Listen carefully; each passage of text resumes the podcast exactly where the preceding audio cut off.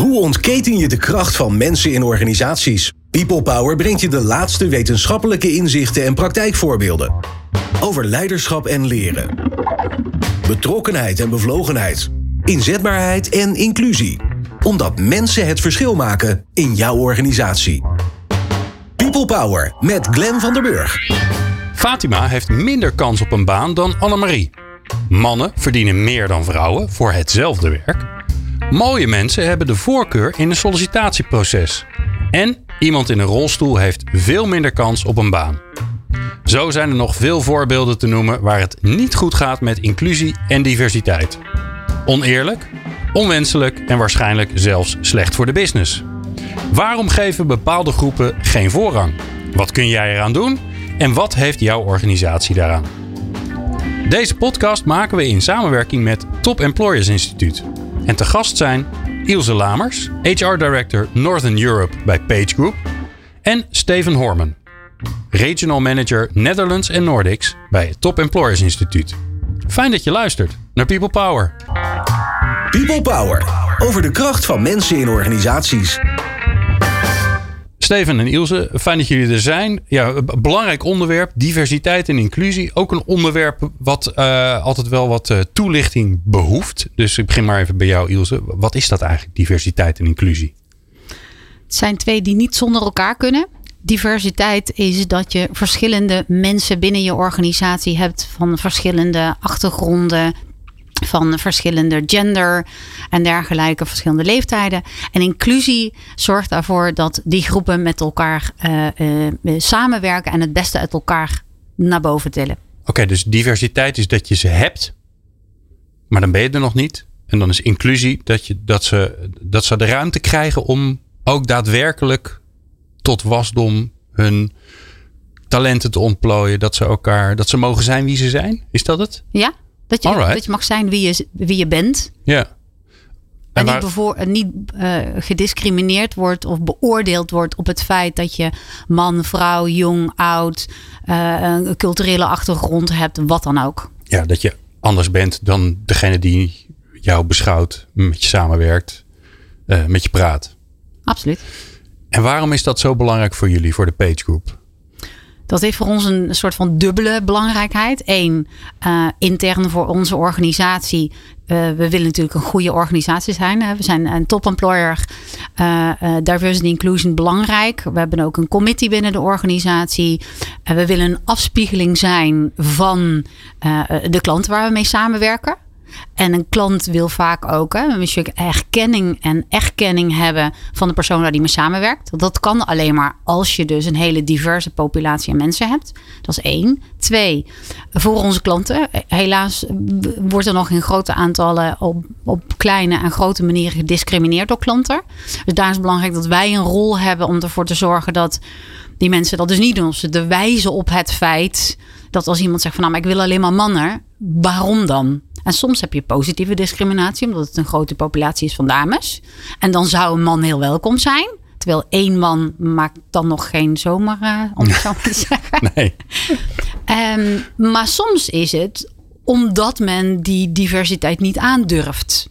Dus ja. men vindt zichzelf heel divers, want we zijn toch met acht mannen. Ja, ja want daar zit wel een soort daar gaan we het zo nog wel even. Maar dat, daar zit wel een ingewikkeldheid. Enerzijds wil je mensen die bij jouw organisatiecultuur passen. Anderzijds is het gevaar daarvan misschien ook weer dat je mensen gaat aannemen die je allemaal al hebt. En dat je inderdaad erachter komt dat je 93% witte man in dienst hebt. Uh, terwijl je daarmee jezelf nogal beperkt. Ja, maar dat ligt aan de cultuur. Want als jij een cultuur is. De cultuur is niet. We willen witte mannen van 40. Een cultuur is. We willen met elkaar samenwerken. We willen een cultuur van openheid. We willen een cultuur van. dat mensen trots zijn op wat ze doen. Ik kan trots zijn als man, als vrouw, als homo, als hetero, als whatever, kan ik trots zijn op wat ik doe. Daar, ja. hoef, ik niet, uh, daar hoef ik niet een man van 40 voor te zijn. Steven, waarom zit dit zo, heeft het zo'n belangrijke uh, plek binnen het top employers uh, onderzoek wat jullie doen? Um, nou, ik denk dat een van de belangrijkste redenen is, is dat het zorgt dat je als organisatie echt onderscheidt. Hè? Dat je niet alleen als organisatie bezig bent om geld te verdienen, maar dat je ook ergens voor staat. wil zorgen voor een inclusieve samenleving ook. Wat een steeds belangrijke rol ook speelt in de, in de wereld. ik denk dat Black Lives Matter natuurlijk ook een belangrijke rol heeft gespeeld in het nog verder ontwikkelen. En we zien ook de afgelopen anderhalf jaar zien we gewoon een ongelofelijke groei in ehm, organisaties die ermee, die ermee bezig zijn, maar ook wel de, de, de moeite hebben om te zien hoe ze dit aanpakken en, en, en waar ze ook de eerste stappen kunnen maken hierin. Ja. Uh, maar dat het belangrijk is en dat elke organisatie ook het, eh, het gevoel heeft dat ze daarmee verschil kunnen maken in de wereld, dat staat, uh, dat staat boven water. Ja, dus dat, dat, dat is een beetje de, dat je het al niet meer kan maken om het te doen. Hè? Van het hoort. Dus een soort normering dat je, dat je daarmee bezig moet zijn. Dat je daar een rol in moet spelen als bedrijf. Wat heb je er ook aan? Los van het feit dat het hoort en, en dat het soms ook moet. Omdat er allerlei lijstjes zijn waar je, waar je anders heel slecht op scoort. Ja maar wat schiet je ermee op als bedrijf? Als ik gewoon domweg naar de business kijk, kijk naar de euro's. Ja, nee, ik, ik, denk meerdere, meerdere kanten kan je daarin belichten. We hebben een krappe arbeidsmarkt, hè, dus uh, heel uh, sec gezien. Je hebt veel grotere uh, pool om ook uit te vissen. En, en, er zijn genoeg mensen met kwaliteit in ja, alle, alle lagen van de samenleving. Um, maar als organisatie, en dat ook steeds meer onderzoek naar dat de high performance teams zijn over het algemeen niet teams die homogeen zijn. Maar dat zijn juist teams waar ook verschillende persona's, waar verschillende mensen met verschillende kwaliteiten in zitten. Um, um, dus, dus ik denk dat daar ook een hele grote, grote rol is weggelegd. Uh, door, voor, door ervoor te zorgen dat je team ook zo divers mogelijk is. Waardoor je ook ja, problemen op een andere manier kan aanpakken. Uh, andere kennis hebt, maar ook um, uh, andere kennis van bepaalde doelgroepen. Dus, dus dat is een hele belangrijke. Ja, Ilse? Nou, je geeft net aan dat het hoort ik denk dat er verschillende levels zijn van, van, van diversity en inclusion. Het hoort omdat we vanwege compliance uh, moeten we wel. Of vanwege ons imago, want we willen een imago hebben. Of vanwege corporate social responsibility. Of uh, omdat het opgegeven is door uh, headquarters dat we qua headcount een, een divers, meer genderdiversiteit hebben. We hebben gewoon een KPI, kan ook. Ja. Maar je bent pas echt inclusief op het moment, exact wat Stefan zegt, uh, is dat je uh, op het moment dat het gaat over de performance. Want je kan inderdaad 50-50 uh, dames en heren hebben, maar als al die dames in een niet eindverantwoordelijke rol zitten, een leadership rol zitten waar ze impact kunnen hebben, dan zul je nooit een inclusieve organisatie worden dat wordt het pas op het moment dat je dus echt inclusief bent en aan performance gaat werken.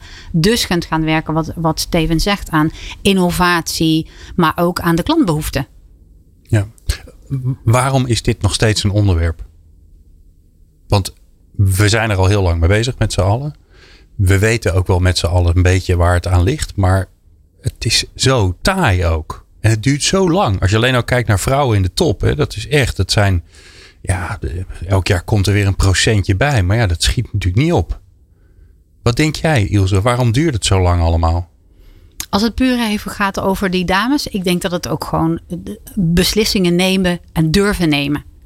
Als er iemand in de top weggaat, niet gaan kijken, oh, maar ik heb ooit nog een keer gestudeerd met Jan, Piet of Klaas. Dat is makkelijk. Dat is hele goede, dat is inclusief. Maar dat is niet divers. En proberen en durven de beslissing te nemen om uh, um, iemand van een andere cultuur iemand aan te nemen of een dame aan te nemen. Dat durven, maar vaak wordt er in een klein vijvertje gevist en het is makkelijk, want het is de Old Boys Network. Ja. Maar die werkt niet meer. De Old Boys Network brengt ons niet naar innovativiteit. Ja, brengt twister. ja, brengt ons daar niet. Nee. Nee, dus het is je moet iets gaan doen waarvan je, waar je je een beetje onzeker bij voelt. Ja, en dat kan. Is dat het? Dan? Ja, het is of top-down of het is bottom-up. Als het top-down is, dan is het uh, ervoor zorgen dat je targets hebt. En zeg van nou, we moeten een, een, een, een, diversiteit van eh, de top hebben. En dat kan zijn over culturele diversiteit of dat kan over genderdiversiteit zijn. Maar ook bottom-up. Zorgen dat jij een laag hebt mensen, dat je dus ook de mogelijkheid geeft om door te groeien naar die top. Dus het gaat van allebei de kanten. Ja. Ja, Steven, waarom, waarom uh, wat is het nou? Die onzekerheid hebben we gehad. Wat is zo'n knoop die, die, die, in die, die erin zit waardoor het zo lastig is? Nou, ik denk dat wat, wat Ilse heel terecht aangeeft. Uh, je benoemt net even KPI's. Uh, ja. de, de, KPI's man-vrouw is natuurlijk makkelijk. Hè? Die is denk ik ook de, de, de eerste die een organisatie opschrijft als ze met dit thema aan de slag gaan. Uh, maar je moet het eigenlijk over de hele organisatie breed doen. En denk over heel over HR breed. Dus je kan kijken naar het, het recruiten van talent. Daar, daar begint het eigenlijk al mee. Hè? Dus hoe zorg je ervoor dat ook het talent, wat uiteindelijk door moet groeien naar die rollen, uh, en inclusief is uh, en divers, maar ook de mogelijkheid krijgt om door te groeien. Dus dan heb je het weer over learning and development. Dus hoe kan je ervoor zorgen dat je dus bepaalde opleidingsprogramma's hebt voor mensen die in de organisatie komen die ook tailor-made zijn. Hè? Want ja, iedereen heeft ook een andere behoefte als het gaat over learning and development. Uh, maar ook compensation en benefit. Weet je. Als je echt inclusief wil zijn, heeft niet iedereen dezelfde behoefte aan dezelfde compensation en benefit. Dus als je het hebt over KPI's, dan is het heel makkelijk om de KPI te stellen op, op, op, op dat man-vrouw. Maar ja, als je het niet door de hele, door de hele keten doet, dan gaat het op een gegeven moment uh, stokt het ergens. Dus je kan bij uh, recruitment kan je heel veel diversiteit, of heel erg sturen op diversiteit en diverse mensen aannemen. Ja. Maar als het in het opleidingstraject of als het straks in het compensatietraject of de doorgroeimogelijkheden heel terecht stokt, ja, dan, dan, dan is je hele diverse populaties binnen een jaar, anderhalf jaar weer weg. Ja, dan zijn ze door de achterdeur weer verdwenen. Zeker, ja. ja. En dan zul je nooit je doelstellingen bereiken. Ja. Als, als je kijkt bijvoorbeeld naar genderdiversiteit, als je kijkt naar de Nordics, die hebben daar veel minder last van. Dat ligt al in de tijd van de vikingen. Waar de, de, vikingen gingen, gingen, gingen met hun boten. En de dames, de vrouwen, zorgden ervoor dat ze het land bestuurden. Ja. Dat is één. Twee, je ziet het nu. Dus die cultuur is daar verder in gegaan. En je ziet nu dat bij ons, bij ons in kantoor in Stockholm. Ehm, daar heb je de, de dames, ze hebben samen 18 maanden uh, ouderschapsverlof, of zwangerschapsverlof. Daar nemen ze allebei de helft. En dat is heel normaal. Als je dat niet doet, is dat strange. Mhm. Wij in Nederland hebben we nu die vijf dagen voor mannen. En nog de vijf weken die we daaraan, die, we, die 70% betaald worden. Dat is bij vele organisaties wordt nog zo van, nou weet je, hij, hij gaat op zijn kind passen. Ja. Of hij heeft een papa-dag. Nou, het is afschuwelijk. Ja. Ja. Dus daarin dus hebben het wij zit nog ook heel in veel... onze cultuur gewoon. Hoe Het wij zit daar in naar dit soort dingen kijken. Ja. En daarin bijvoorbeeld, wij hadden ook in het verleden dat wij veel minder dames hadden die terugkwamen van zwangerschapsverlof. Wij dachten met ons goed verzoen, weet je, iemand gaat vier maanden met zwangerschapsverlof, we laten die persoon alleen. Maar op het moment dat je zo'n cultuur hebt van familie en bij elkaar zijn, hebben wij onze vergissing gemaakt door die mensen, zeg maar, een soort van abandon, we laten ze los. We zagen ze niet meer terugkomen, gesprekken gehad en zeiden, ja, maar vier maanden, ik ben niet betrokken geweest. Ik ben hier iedere dag. Jullie En dachten, we laten ze lekker met rust, want ze zijn met andere dingen bezig. En mensen voelden zich al in de steek gelaten. Wij wilden een goed werkgever Ja, ja. zijn en we lieten ze in de steek. Ja. Waarop het daar, dus nu hebben we een heel programma van voordat je met verlof gaat, tijdens dat je met verlof, als je terug gaat komen. We hebben onze compensation en benefits daar absoluut op aangepast. Nou, het is nogal een life-changing event natuurlijk. Een kind krijgen. Dat is het absoluut. Ja. En dat, het interessante is dat wa- wat jij eigenlijk nu zegt is, daar helpen we bij. Om daarover na te denken van wat betekent het eigenlijk hè? eh, voor iedereen. Want eh, ik heb ook twee kinderen. En eh, als er twee momenten zijn geweest in mijn leven dat alles op zijn kop stond. Dan was het wel de geboorte van, van nummer één en van nummer twee. Want daarna is je hele leven anders. Je moet, Ja. je moet alles anders inrichten. Dus echt, ik, ik zou dat wel fantastisch gevonden hebben als ik daar een beetje bij geholpen Nou, was. Dus, dus enerzijds, hè, we, hebben, we hebben gesprekken met mensen op het moment dat ze net, dat ze net vertellen dat ze zwanger zijn. Van, nou, wat moet ik nou allemaal regelen? Kijk, bij het tweede kind weet je dat. Maar bij een eerste kind, eh, je bent niet getrouwd. Nou, jij als man wordt niet meteen gezien als de vader van de kinderen. Nou, dat moet je maar allemaal even weten. Ja. Dus dat is voor, maar dan gaat het ook over de business. Jij bent vier maanden niet in jouw business. We zien dat vrouwen steeds ouder eh, eh, moeder worden, dus ook op bepaalde niveaus zitten, dat ze pas een kind eh, of dat ze een kind krijgen. En dat betekent dat die business moet overgedragen worden. Maar ik wil niet als ik terugkom dat ik in een soort van: oké, is mijn baan nog zeker? Heb ik nog de klanten, de relaties waar ik mee samenwerk? Dus daarin moet ook nagedacht worden. Niet alleen maar van: ik zorg ervoor dat, eh, dat ik zorg dat alle juridische dingen geregeld zijn, de belastingtechnisch geregeld. Nee, ik moet ook zorgen dat iemand zijn business doorloopt en dat iemand ook nog steeds promotie kan maken, iemand bonus kan halen. Ja. En weer welkom is als hij Ja. terugkomt, toch? Ja. ja. Ja. En ook daarin eh, accepteren dat iedereen op een andere manier terugkomt. Ja. De een wil op dag één meteen full pull er tegen gaan. En de ander zegt van, ik moet even wennen. Je weet ook niet wat voor kind je krijgt. Je hebt er twee. Misschien is de een en de ander is een groot verschil. En toen zij baby waren... eh, eh, Ja, goh, je weet heel veel over mij. Het begint een beetje eng te worden.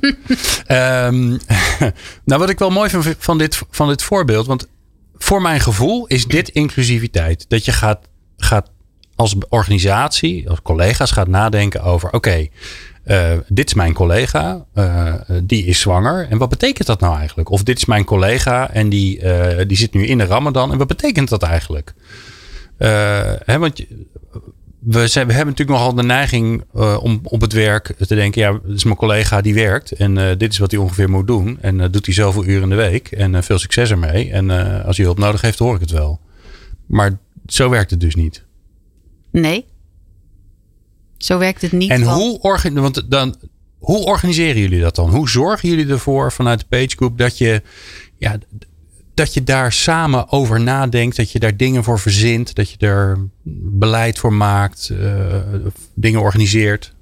Doe dat niet in de board te doen, maar door dat in een shadowboard te doen. We hebben nog niet zo heel lang een shadowboard. Okay. En een shadowboard, daar zitten geen boardmembers in.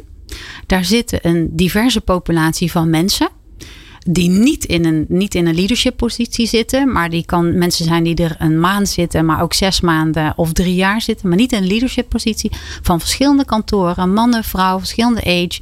Dus echt die diversiteit hebben, die in een groep. En vervolgens die de verantwoordelijkheid geven om na te denken en beleid te maken op diversiteit. Wauw. Wat, wat, eh, oké. Ik, maar eerst, ik, voordat ik enthousiast ga zijn, ga ik het eerst snappen. Oké, dus een shadowboard zitten verschillende mensen in. Hoeveel zitten erin? Bij ons negen. Negen mensen, allemaal, want daar zit, moet die diversiteit natuurlijk uh, vertegenwoordigd zijn. En hoe werkt het dan? Gaan die ook vergaderen? Krijgen ze opdrachten? Mogen ze dingen zelf verzinnen? Eh, dat is eigenlijk uh, tweeledig. Enerzijds, zij krijgen een opdracht van ga nou eens kijken naar diversiteit. Wat kunnen wij, waar staan we, wat kunnen we beter doen? Dus dat is de opdracht van de board. Van jullie krijgen een, een carte blanche om hieraan te gaan werken. En kom terug en zeg, dit moeten we gaan doen. Want de board bestaat uit een klein aantal mensen. En de mensen die eronder zitten, nou, die populatie is natuurlijk veel groter. Dat is één. En twee, of zij komen zelf met een onderwerp. En een onderwerp, dat is niet het onderwerp van vandaag, is natuurlijk well-being en flexibility en the new way of working. Daar zijn zij nu mee bezig. Waarin ze zeggen, nou, dit zien wij als nieuwe manier van werken. En geven daarin advies van de board. Een derde element is, de board komt met een idee en denkt, hmm, voordat ik het over de schutting gooi en communiceer, ga ik het heel even checken bij de shadowboard van hoe landt dit? Mooi. Oh, en, en, en is, dat is die samenstelling elke keer anders? Is Je hebt een vast? aanstelling van een jaar. Oké, en na een jaar komt er weer iemand anders in? Ja, na een jaar doen we een nieuwe election. Leuk. Komen we een nieuwe election, kunnen mensen zich aanmelden.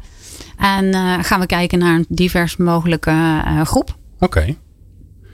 Mooi. Nou, dat vind ik een prachtig concreet ding. Kan iedereen morgen mee starten? Absoluut. Enthousiast over? Ja, dat zie ik sowieso in je ogen. Maar ik denk, ik help je nog even via de stem. Ja, en dat werkt goed. Hoe lang doen jullie dat al nu? Daar zijn we nog niet zo lang mee begonnen. Um, we hebben nu ook een Global Shadow Board. Dus dat doen we ook op global niveau. Oké. Okay. En daar zijn dus mensen uit de verschillende landen.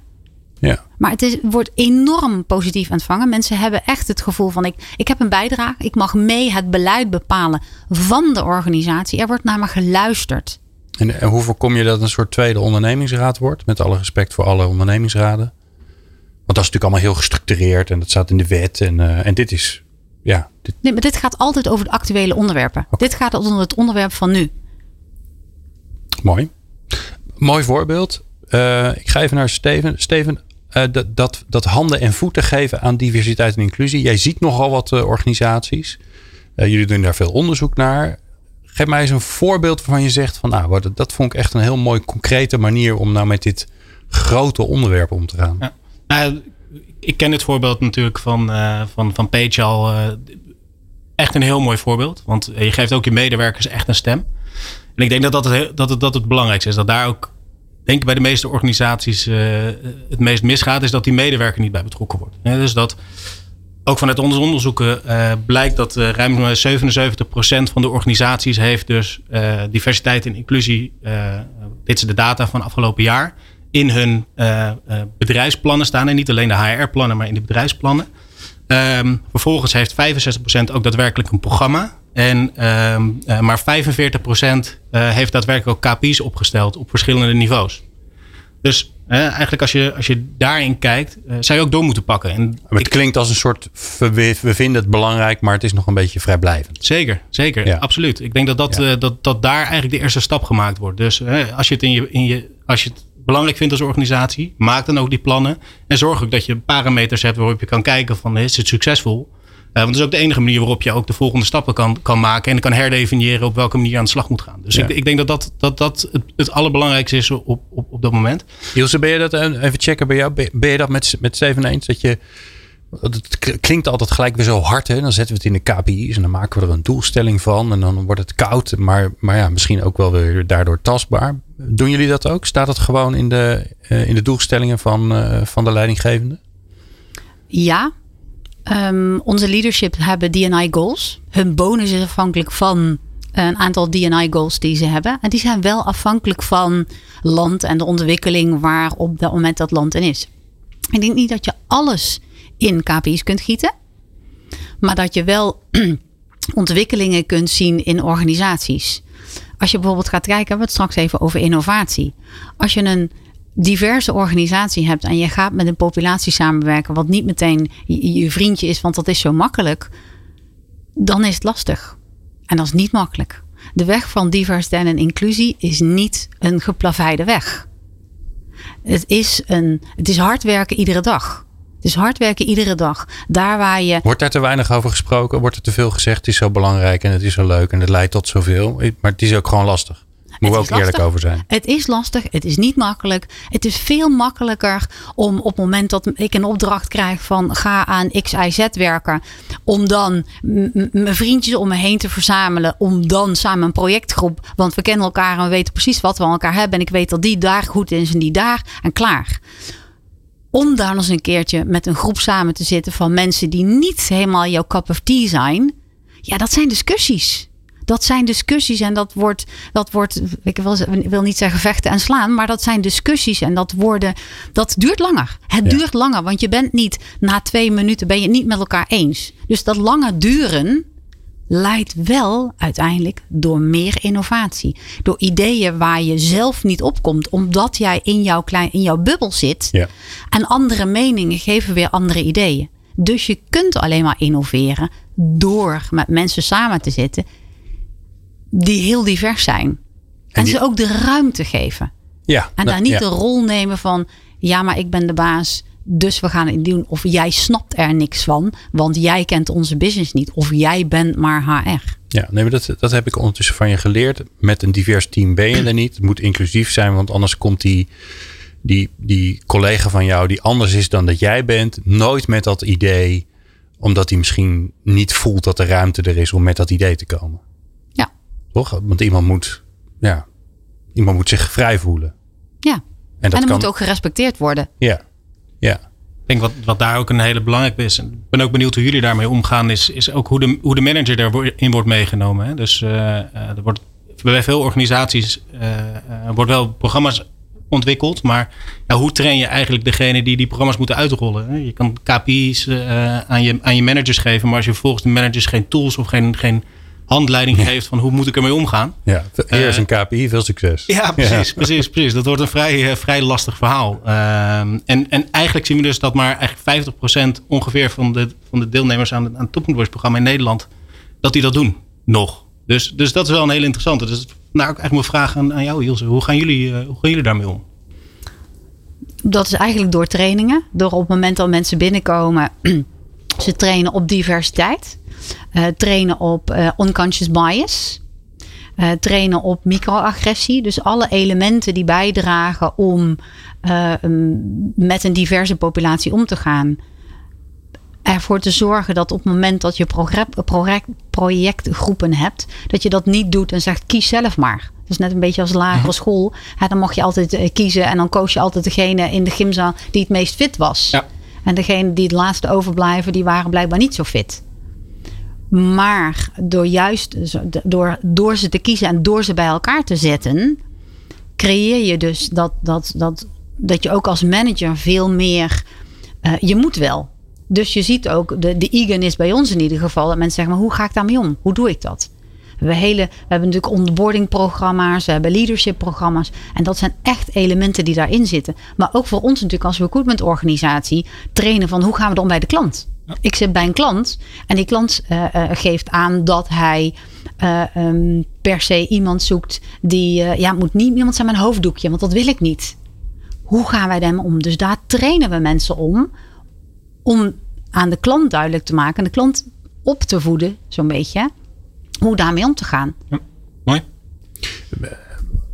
Ik kan me van alles nogal bij een training voorstellen, maar, maar help mij eens even. Want het ingewikkelde volgens mij bij dit onderwerp is, is dat het gaat bij diversiteit en bij inclusie, zeker als ik dat als leidinggever doe, gaat het om mij, om wie ik ben en hoe ik, hoe ik naar mezelf kijk, hoe ik naar de wereld kijk en waar ik in geloof.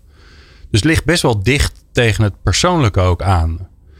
Uh, uh, het is al heel snel dat je het gevoel hebt dat je het niet goed doet. Want er zit ook een soort, soort stigma overheen. Zeker als het over, over gelijkheid man-vrouw of uh, over etnische achtergrond of over eh, LHBTI gaat. Het is gelijk best wel heftig en zwaar. Dus wat gebeurt er nou in die trainingen zodat ik me daar comfortabel over ga voelen? Dat je vooral niet in dat hokje wordt gezet. Oké. Ik zit in het hokje vrouw, dat klopt. Maar ik ben meer dan alleen een vrouw. Ja. Ik zit in het hokje moeder, maar ik ben meer dan alleen een moeder. Ja. Ik zit in het hokje 50 plus. Maar ik ben meer als dat. door, door mijn competenties, wie ik ben, mijn uitstraling, uh, uh, mijn, mijn leervermogen, alles maakt wie ik ben. En dat betekent dat ieder mens uniek is. Dus op het moment dat je het loslaat. Wij zijn met diversiteit begonnen met de Six Pillars of Diversity. Dus zes pilaren. Maar dat is voor ons waar wij nu staan een beetje verleden tijd. Want we willen ons niet meer op die zes pillars richten. Die heb je nodig in het begin om uiteindelijk die KPI's te hebben en op dat plan te komen dat je kunt richting inclusie gaan. Maar als je daar bent, dan hou je niemand bezig met die pillars. Want niemand wil, ja, ik, ik moet in een programma, want ik ben vrouw. Ik wil niet in een programma omdat ik hmm. vrouw ben. Ik wil in een programma zitten omdat ik de competenties heb, de kwaliteiten en het talent heb om in een bepaalde rol te zitten. Dus je begint met die KPI's. En vervolgens ga je veel meer naar de uniekheid van de mens kijken. Oké, maar ik hoor je zeggen, je, je ontkomt er bijna niet aan om in het begin om het, het bijzonder te maken. Terwijl je dat eigenlijk niet wil. dus je moet het specifiek gaan maken. Dus je moet het gaan hebben over man-vrouw en al alle, alles waar je te weinig van hebt. Of waar je niet op een goede manier mee omgaat. Maar als je dat. Maar je moet ook doorschakelen naar die dat volgende niveau eigenlijk, waarbij je zegt: nee, het, gaat erom, ieder mens is uniek. Dus je moet vooral uh, door, door al die hokjes en die eerste dingen die je bij je op hebt. Als ik jou zie, uh, je, je kwam net hier bij de studio binnenlopen. Dan is ook een van de eerste dingen die ik onbewust natuurlijk opmerk dat jij een vrouw bent. Uh, maar het bepaalt niet wie je bent. Dus dat is een soort, is dat dan een soort tweede niveau waar je naartoe gaat? Dat je dus mensen gaat helpen om, ja, om, om die uniekheid van iedereen te zien? Ik denk het wel. Ik denk dat je begint met de basis. En de basis begint niet, we hebben, wat zijn onze pilaren en waar hebben we te weinig van? De, de basis begint met, wat willen we als organisatie? Waar willen we naartoe? Wat willen we bereiken? Wij willen als organisatie, dit is ons streefpunt over drie jaar, over vijf jaar. En hoe moeten wij onze organisatie inrichten om daar te komen? Dus je begint bij het eindpunt en je gaat terug. En als het dan blijkt dat je in een internationale markt zit, maar je hebt alleen maar Nederlandse mensen, dan zul je waarschijnlijk veel meer internationale mensen moeten aannemen. Dat betekent hoe internationaler heb je dus ook te maken met inderdaad waar je het straks over had. Uh, heb je een gebedsruimte in je organisatie? Heb je een kolfkamer in je organisatie? Dus dat zijn de gevolgen daarna. Op het moment dat dat allemaal geregeld is, dan ga je inderdaad naar dat tweede niveau toe. Oké, ik vind het mooi hoe je dat schetst. Want vaak beginnen we natuurlijk een beetje bij de, bij de uiterlijkheden. En inderdaad maken we ergens een bedruimte of wordt er ergens een kolfruimte gemaakt, maar dan zit er niet zoveel achter. En dan is het een, oh ja, dat, dat hoort of zo. Dat gaan we ook doen. Terwijl jij zegt eigenlijk van nee, de, de basis is dat je snapt met elkaar waar je mee bezig bent. wat, het, wat het doel of het nut of de, het effect gaat zijn van dat je hier aandacht aan gaat besteden. Um, wat. Um, dit is zo'n groot, allesomvattend onderwerp, uh, Steven. Dat is een beetje het vraag, uh, de, vraag natuurlijk. Wat, als jullie nou kijken naar het onderzoek wat jullie naar doen binnen de deelnemers aan het Top Employers Instituut programma. Wat zie je dan over de afgelopen jaren gebeuren? Ik, hoop, ik hoop namelijk dat het de goede kant op gaat. Ja, zeker. zeker. Ja, als je bijvoorbeeld het eerste wat ik behandelde, van in hoeverre is het belangrijk voor de hele bedrijfsdoelstellingen, dan zie je dat het uh, in de afgelopen twee jaar al met 7% gestegen is. Dus 7% van de organisaties uh, extra, uh, die zijn ermee bezig. Dus we zien zeker dat dat een hele, hele belangrijke rol speelt. Um, en ik verwacht heel eerlijk gezegd, ik denk dat dit jaar DNI nog een grotere boost heeft gekregen. Dus ik verwacht dat aankomend jaar dat dat nog veel, veel meer zal zijn. En dat ook eigenlijk alle onderliggende dingen, dus eigenlijk de volgende stappen die je maakt, dat die, dat die goed voor elkaar zullen zijn. Ja, want hoe checken jullie dan of iemand het goed doet? Ja, wij komen, we komen bij organisaties uh, langs om uh, en die mogen het letterlijk aan ons laten zien. Van oké, hoe zijn jullie ermee bezig? Kijk, we hebben als organisatie natuurlijk de, de, de luxe en we hadden het net al even kort over. Uh, dat we bij bijna 1800 organisaties wereldwijd mogen binnenkijken. Dus we hebben ja, een vrij goed beeld van wat, wat een, een, een advanced practice is, wat niet. Ehm, dus op die manier verzamelen wij ook eigenlijk de, de, de unieke, unieke dingen die we bij onze klanten zien. En ja, Page is daar op een hele mooie manier al heel lang mee bezig. En ik denk ook terugkomend op het verhaal met uh, die, basis. Je ziet nu veel organisaties het hebben toch even weer over die KPI's. De makkelijkste KPI op dit moment is natuurlijk equal pay en uh, man-vrouw verhouding in, in, in de topfuncties. Maar we zien wel de organisaties die er al langer mee bezig zijn, ook met deze twee thema's. Dat wat, wat heel terecht aangeeft, op een gegeven moment is het geen topic meer. Dus als het voor elkaar is, dan, dan zal je niemand daar meer over horen. Want dan is eigenlijk alles in die hele, uh, ja, noem het de employee journey, uh, is zo ingesteld dat het eigenlijk al heel normaal is dat, dat vrouwen evenveel kans maken op diezelfde rol. Of dat iedereen die bij de organisatie komt in dezelfde uh, schaal wordt ingeschaald. en dan kan je die volgende stap maken. En dan wordt het ook voor medewerkers eigenlijk een, een, een heel inclusief verhaal. Ook als je net in een organisatie komt werken en je voelt dat dat goed voor elkaar is. dan voel je er ook welkom dus uh, um, ja, je moet daar, moet daar toch echt doorheen door die eerste, die eerste stappen en die eerste ja, misschien ongemakkelijkheden ook uh, wat je heel terecht uh, benoemt. Want het is niet altijd makkelijk. Ehm, dus dat is, dat is een hele belangrijke. Maar we zien dus inderdaad een hele, hele grote groei in organisaties die ja, niet meer alleen maar op het hoofdniveau bezig zijn. Um, en wat ik denk ik een, hele mooie is, is dat we voorheen zagen dat het heel erg bij HR lag. En dat het nu naar eigenlijk de, de, de organisatiedoelstellingen worden getrokken. Dus niet meer alleen de HR-doelstellingen. En ik denk dat dat echt ook een versnellen wordt van ja, de volgende stappen die gemaakt kunnen worden. Want dan is het echt bedrijfsbreed wordt het gedragen. Ja. Ik wil naar een soort uh, uh, handelingsperspectief toe. Wat het mooiste is natuurlijk dat iedereen die deze, deze podcast luistert, uh, dat die uh, na afloop gewoon in actie komt. En gewoon iets gaat doen en gaat veranderen. Hoe klein of hoe groot dan ook. Dus dat wordt mijn vraag aan jullie allebei. En dan krijgt Steven ik krijgt iets langer de tijd om na te denken. Want ik, ik, ik, ik doe ook een positieve discriminatie. Um, wat adviseer je luisteraars van deze podcast, ja, waarschijnlijk jouw vakgenoten, die zich ook met HR of uh, DNI of leiderschap bezighouden. Wat adviseer je ze te gaan doen? Wat past in, in hun agenda? Met de boord de discussie aangaan, jongens, waar willen we naartoe? Dus die eerste vraag stellen. Vervolgens uh, gaan kijken, oké, welke acties, dus welke uh, tactische elementen moeten we daarin toevoegen om te doen? En dat kan zijn als je naar hè, de, de verschillende elementen kijkt naar vrouwen. Hebben wij voldoende vrouwen? Hebben wij equal pay? Komen dames terug van uh, zwangerschapsverlof? Hebben we dames in de belangrijke posities zitten? Als het gaat om LGBTIQ community, hebben wij die mensen?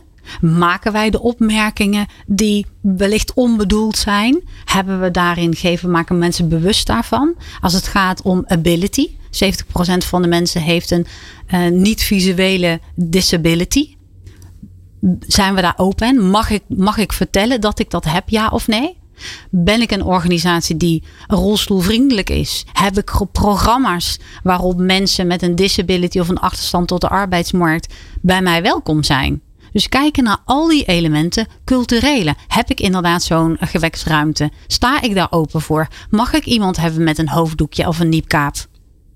Dus dat je allemaal naar die praktische elementen gaan kijken. En wat moet ik dan veranderen aan mijn organisatie om dat te doen? Hoe zorg ik ervoor dat ik dat einddoelstelling haal? En dat kunnen hele simpele dingen zijn. Dat kan zijn van, uh, ik heb een mentoringprogramma voor vrouwen. Dat kan zijn dat ik um, een, een maternity programma heb. Dat kan zijn dat ik um, een diversiteitslunch organiseer waar iedereen vanuit zijn eigen herkomst iets mee kan nemen en dat we praten over hey, ik zie dit gerecht dat ken ik helemaal niet. Eten verbindt. En door de verbindende factor te zoeken en te zeggen we hebben een keer zo'n diversiteitslunch gedaan of een paar keer en dat je zegt van hé, hey, maar waar maken ze dat dan ook? Wist niet dat je daar vandaan kwam. Dus dat je een beetje de heritage van mensen kent. Dus ook leert begrijpen, accepteren, respecteren. Hoe mooi het is waar iemand vandaan komt. Ja, dus ik hoor je zeggen, dus, want als ik dit allemaal ga doen, dan heb ik, eh, heb ik twee jaar werk ongeveer. Ik zei, ik zei het, moet, het moet in je agenda passen. Nou, dat, ik hoop toch niet dat mensen zoveel ruimte in hun agenda hebben. Dan hebben ze te weinig te doen. Maar wat ik je hoor zeggen is, begin alsjeblieft bij de, naar de boord te stappen om dat doel te vragen. Ehm, en maak je niet zoveel zorgen over de uitvoering, want er zijn ideeën genoeg. Uh, er zijn, maar, dat, maar zolang die niet voortvloeien uit dat waar gaan we naartoe, dan is het allemaal een beetje, nou ja, loszand misschien. Ja, absoluut. Alright. Dus waar ligt de kern? Waar wil je naartoe? En wat moet ik doen om daar te komen? En wat zijn je quick wins? We hebben ook, hè, blijkt dat veel bedrijven ook zeggen: ja, maar het kost allemaal veel geld. Sorry, een diversiteitslunch organiseren kost niks. Een mentoringprogramma waar je mensen aan elkaar koppelt, kost niks. Er zijn een heleboel dingen die niet investeringsgevoelig zijn. Het kost eigenlijk vooral aandacht. Het kost aandacht. Op het moment dat jij zegt van nou, ik geef iemand wel promotie tijdens haar zwangerschapsverlof. Ja, dat kost x percentage salarisverhoging. Maar in die end, als, als deze persoon blijft en langer binnen de organisatie, is de return on investment is gewoon tiende malen veel groter. Ja. Mooi, dankjewel. Steven, morgen, wat ga ik doen? Ja, ja ik, ik, ik denk de, de inventarisatie is een hele belangrijke. En eh, het moet passen bij de, bij de organisatiedoelstelling. Als dat niet het geval is, dan blijft het window dressing. Dan ben je met iets bezig, maar dan heb je niet de hele organisatie mee. Dus dat blijft een, blijft een belangrijke. En, en start simpel. Dus, dus kies gewoon die makkelijke doelstelling. En, noem het geen KPI, je hoeft het niet per se al uh, ten gelde te maken. Maar maak een doelstelling. Uh, begin makkelijk met, met ratio man-vrouw. Begin inderdaad met, uh, met um, dingen die vanuit medewerkers georganiseerd kunnen worden. Hè. Dus, dus betrek je medewerkers ook bij. Employee listening is denk ik een hele belangrijke. Ehm, constant ook voelen van oké, maar wat, speelt er dan? En ook zorgen dat het op een veilige manier gebracht kan worden. Want ik denk dat dat wel belangrijk is. Uh, en vandaar eigenlijk gestructureerd aan de slag om, om, om langzaam je acties op te zetten. En ik, ik denk dat je dan een heel eind komt. Mooi. Dank jullie zeer allebei voor jullie mooie inzichten over diversiteit en inclusie. We zijn er natuurlijk nog lang niet, maar ja, dat is ook onmogelijk met zo'n ongelooflijk groot en belangrijk onderwerp. dankjewel Ilse Lamers, HR Director Northern Europe bij Page Group.